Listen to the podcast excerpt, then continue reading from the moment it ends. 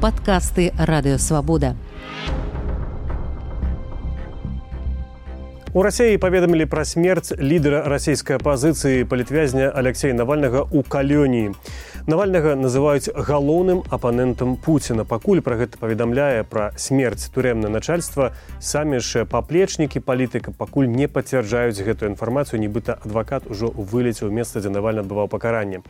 Сёння мы пагаворым пра то, якія наступствы для рассеі магчымай Беларусі можа мець смерць Алексея навальнага. Выглядзіце падзей каментар на канале свабода прэміум.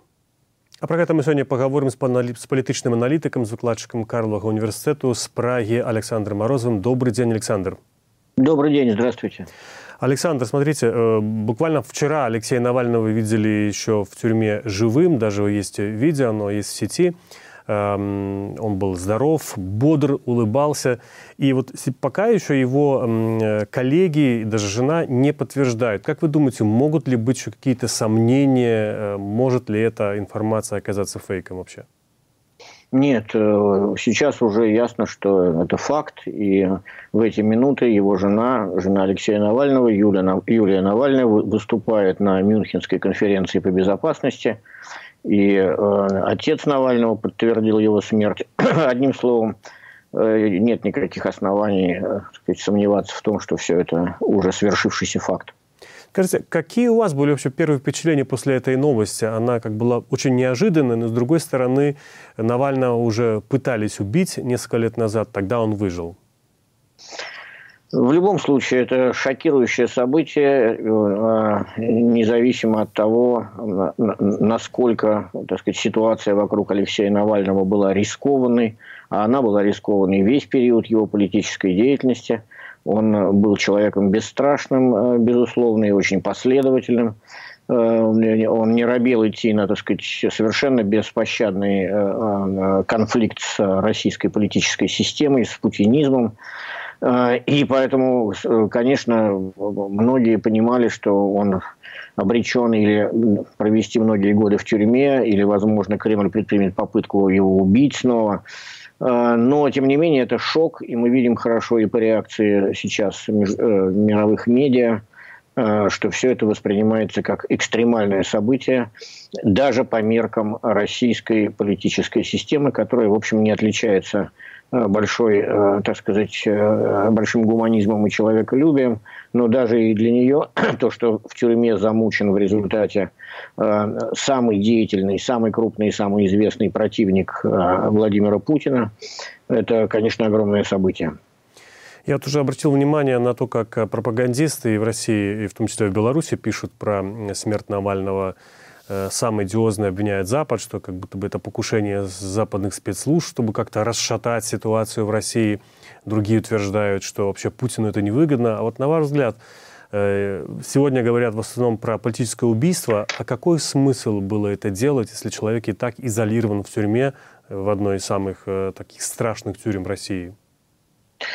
Ну, трудно сказать о том, какой смысл, так сказать, вкладывается теми, кто это делает поскольку, честно говоря, ведь мы не очень понимаем, в чем смысл заключался, например, попыток отравить э, целый ряд деятелей, э, так сказать, оппозиции и культуры с помощью боевых отравляющих веществ, например, когда использовался новичок, и отравлению был подвергнут не только Навальный, но и Владимир Карамурза, и писатель Дмитрий Быков, и многие другие. Точно так же довольно сложно сказать, как бы, а в чем вообще смысл, там, скажем, развязывания фронтальной войны.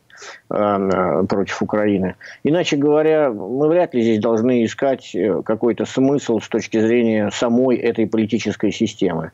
Внутри нее действуют разные, совершенно разные силовые группировки, каждая из которых, так сказать, э, совершает свои преступления. Эти преступления она несет на блюде, так сказать, своему вождю в качестве некоторого подношения – и так было всегда. Так было и с убийством э, Бориса Немцова, так было и э, со всеми эпизодами э, уже сейчас внутри российско-украинской войны.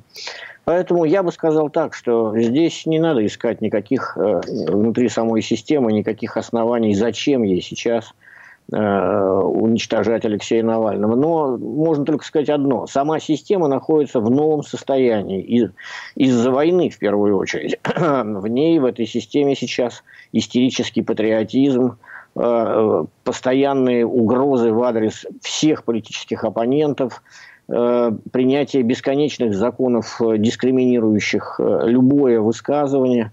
Эта ситуация очень похожа на белорусскую, действительно, на то, что делал Лукашенко и продолжает, собственно, делать, потому что градус репрессий не снижается. И у Кремля такая же ситуация. Поэтому одни сейчас ставят убийство Навального в один ряд с убийством Пригожина – а многие были изумлены именно убийством и Пригожина. А другие э, сейчас э, ставят это убийство в ряд с э, убийством Бориса Немцова, и все это в целом совершенно справедливо, потому что система, эта политическая система, она людоедская, и она не, не, так сказать, не останавливается перед тем, чтобы совершать совершенно чудовищные э, шаги в отношении достоинства личности и свободы, и, так сказать, жизни и здоровья человека. А может ли как-то эта смерть повлиять сейчас на ситуацию в России э, накануне выборов? Они буквально через месяц, президентские выборы, перевыборы Путина, как их называют? Думаю, вряд ли, потому что э, Думаю, что такие шокирующие события, они в а, авторитарных режимах только усиливают э, такой стокгольмский синдром основной массы населения. Страшно. И это, э, так сказать, главная мотивация э, поведения, в том числе и общественного и политического поведения. Страх. И очевидно, что режим дальше будет даже использовать эту смерть Навального, то есть силовики – э, да, собственно говоря, и вот многочисленные свидетельские показания действий белорусских силовиков в отношении граждан, они показывают, что при сильном репрессивном законодательстве силовики получают возможность э, говорить как бы случайно попавшему к ним в лапы человеку, ты что хочешь, сесть на 25 лет и там тебя убьют? Э, вот тебя, ты хочешь, чтобы тебя убили как Навального, ну тебя убьют, вот и все. Э, э, эта ведь система, она как бы демонстрирует свою безнаказанность и такую как бы абсолютно библейскую несправедливость и невозможность добиться справедливости внутри этой системы. Она демонстрирует только так сказать, без такой насилия. В этом плане я думаю, что на президентские выборы, так называемые президентские выборы никак это не повлияет. Путин будет получать свои 80% на фоне войны. Э, и, и дальше нас, собственно, ждет э, вот такая тяжелая демонстрация в течение следующих шести лет э, самой худшей фазы этого путинизма. И в значительной степени и гибель Алексея Навального, она как бы является вот фрагментом этого э, вступление как бы вот в этот ужасный следующий, следующую каденцию Путина, от которой приходится ждать только усиления репрессий и полного истребления вообще всякого инакомыслия. Смотрите, когда Алексей Навальный еще был на свободе и э, действовал э, в политическом смысле, эм, он как бы говорилось о том, что он как бы старался разбудить россиян. Э, ну, даже его приезд с Германии после отравления, как бы он не вызвал большого, большого ажиотажа. Все-таки эти демонстрации, они не, не были супермассовые. Скажите, а может ли как-то его смерть стать шоком для России, каком-то, в каком-то смысле хотя бы какую-то часть людей на самом деле разбудит? Я думаю, что его смерть шок для многих, э, и для многих это демонстрация, так переживаемая такая э, э, наглядная демонстрация беспощадности и несправедливости всей политической системы и уклада общественной жизни.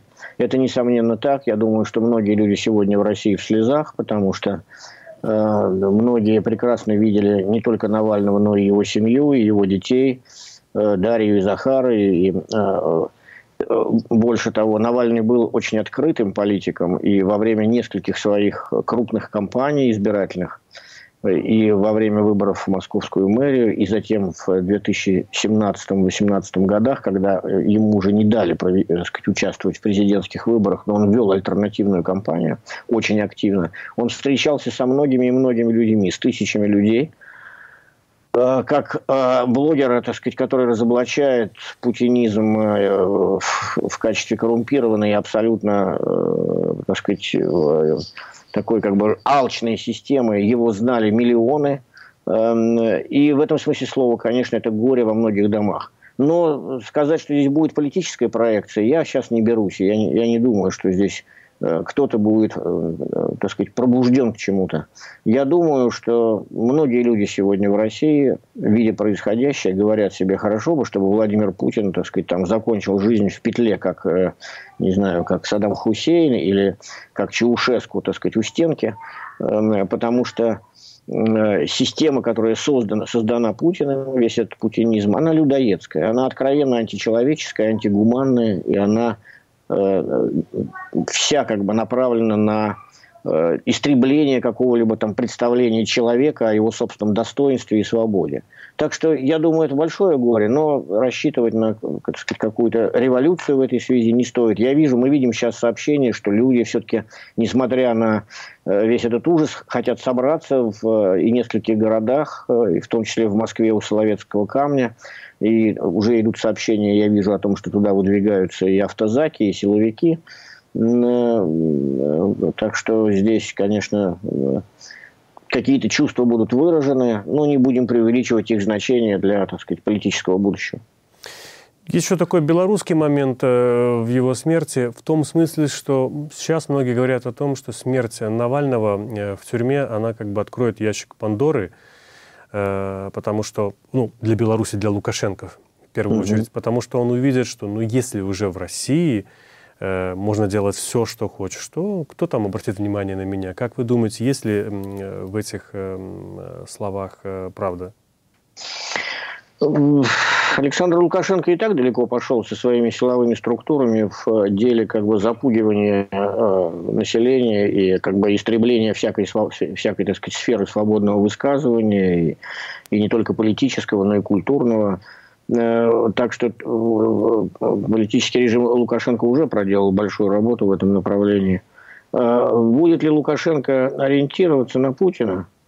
Ну, разумеется, Лукашенко в целом ориентируется как бы не конкретно на смерть э, Навального сейчас, а в целом он, так сказать, всегда идет в фарватере на Путина и путинизма, и либо подыгрывает ему, либо иногда играет на опережение.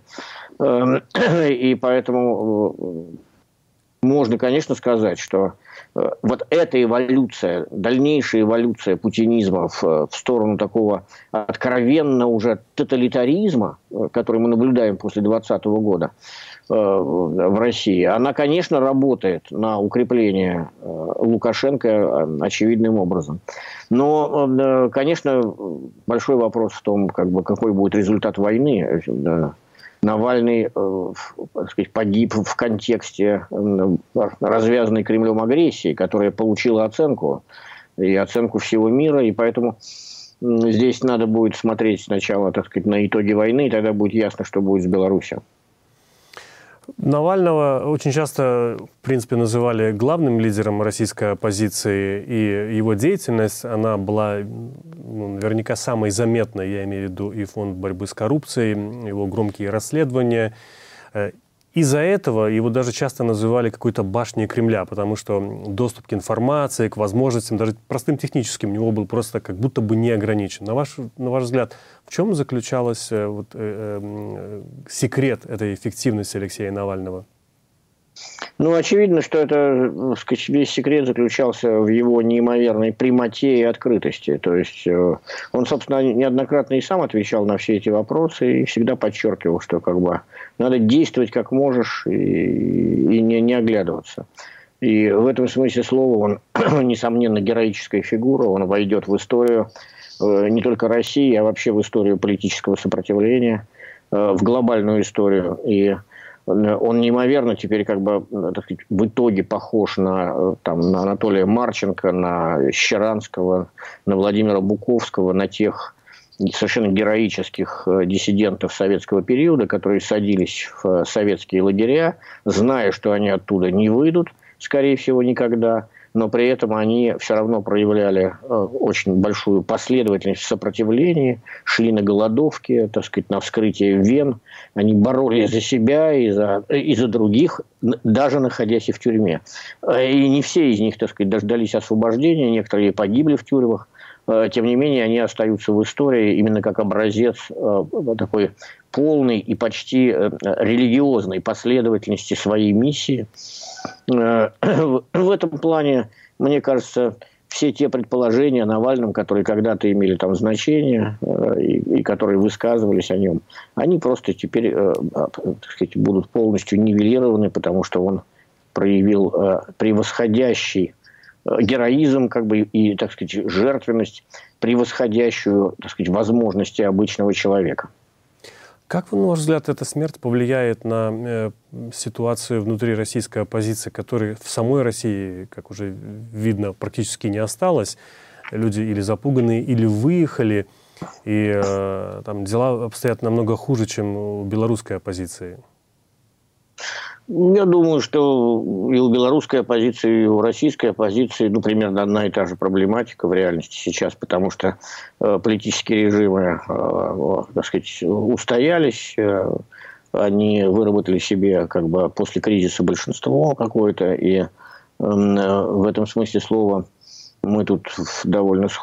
Нас нельзя сравнивать никогда. Дело в том, что сравнение вообще, так сказать, России и Беларуси, оно, так сказать, в принципе некорректно в силу там разной величины стран, разного, так сказать, менталитета в каком-то смысле. Но если говорить про Россию, то, и, так сказать, то надо сказать следующее, что э, э, с, э, гибель такого лидера – она точно как бы остается внутри национальной истории. То есть э, мы точно можем сказать, что если и когда в России как бы э, состоится какой-то второй шанс на демократизацию, и это общество развернется к какому-то другому будущему, чем сегодня, то Навальный будет внутри, так сказать, такого э, исторического ну, пантеона, как один из людей, кто очень последовательно боролся за три вещи. То есть за представительство, за расширение представительства политического, то есть за демократию, э, за сказать, справедливое общество, потому что его деятельность была прямо направлена против э, сверхбогатых именно как именно как олигархов, которые демонстративно накапливают богатство, игнорируя как бы, интересы остальных социальных групп. И в-третьих, он, конечно, был э, человеком, который э, оставался э, российским патриотом. Он неоднократно это прямо говорил, что это моя страна, и это мое убеждение. Я не собираюсь отказываться ни от моей страны, ни от моих убеждений. И это, конечно, противоречие и конфликт, но, тем не менее, он, он в этом ряду. Поэтому Э, неимоверно мужественный шаг с его стороны. Я сегодня думаю о том, что сегодня думал о том, что, скажем, Дитрих Банхофер, знаменитый, так сказать, герой и культовая фигура э, антинацистского сопротивления, он мог не возвращаться в Германию в какой-то момент, и тогда бы он не погиб в, в концлагере в конце войны. Тем не менее, он вернулся, и это был его религиозный шаг, Э, и точно так же это касается некоторых других выдающихся фигур истории. Я еще не могу спросить про вопрос. Эм, у украинцев и у белорусов э, есть э, вопросы к Алексею Навальному. Конечно, сейчас они уже не актуальны, но это вопрос тоже про его память, поскольку у него были высказывания, которые обижали неоднократно и белорусов, и украинцев, и про белорусский язык, и про Крым. И, в принципе, то, что он еще в молодости, Эм, ходил на русские марши, называл себя русским националистом. Вот э, как вы думаете, что в конце все-таки перевесит? Э, смог ли он эм, своими действиями в борьбе с Путиным как-то нивелировать или, я не знаю, э, перевесить всю эту старую, скажем так, тот багаж? Я никогда не придавал значения большого, как, как политолог, Э, э, вот этим претензиям к Алексею Навальному. Почему? Потому что российская, не только российская, но украинская и белорусская постсоветские истории, они делаются людьми, имеющих все они имеют очень сложные биографии. Тем более, что все страны прошли такие циклы за 30 лет, совершенно разной политики. Вот. И поэтому, когда мы говорим о Навальном, то 15 или тем более 20 лет назад Э, была абсолютно другая атмосфера, в том числе и в России. Люди говорили одни слова, которые дальше бы они не сказали никогда. Что касается э, претензий относительно э, Украины, то Навальный в последние как бы, годы совершенно четко выступал здесь и против российской агрессии, и, так сказать, он за возврат границам 91 года – Э, так что претензий к нему, на мой взгляд, уже никаких не могло быть не сейчас, даже из-за его смерти, а гораздо раньше. А э, претензии, касающиеся, так сказать, его раннего участия в русских маршах, э, поскольку он в результате превратился дальше в ходе своей эволюции в, э, совершенно отчетливо в лидера демократического движения, которое мыслит себе Россию как открытую страну с как страну с либерально-демократической моделью и представительства, и управления, то какое имеет значение, что человек сказать, говорил в молодости, в молодости даже не только э, так сказать, в постсоветском периоде, но даже так сказать, в европейской истории. В молодости одни политики были леворадикальными э, и участвовали чуть ли не в террористических бригадах, но затем они становились министрами федеральных правительств совершенно другой программой. Так что эти претензии сняты э, значительно раньше. И в конце нашего разговора я хочу процитировать э, к моего коллегу Юрия Дракохруста. Он написал э, текст сейчас на сайт Радио Свободы. Я по-белорусски прочитаю его. Да. Навальны быў увасабленнем жаданняў веры мільёнаў расейцаў той, што іх краіна можа быць іншай. І яго пакутніцкая смерць можа стварыць суд і зрабіць дзейснай гэтую веру. Как вы думаете, возможно ли какое-то чудо вот после, вообще после этой смерти?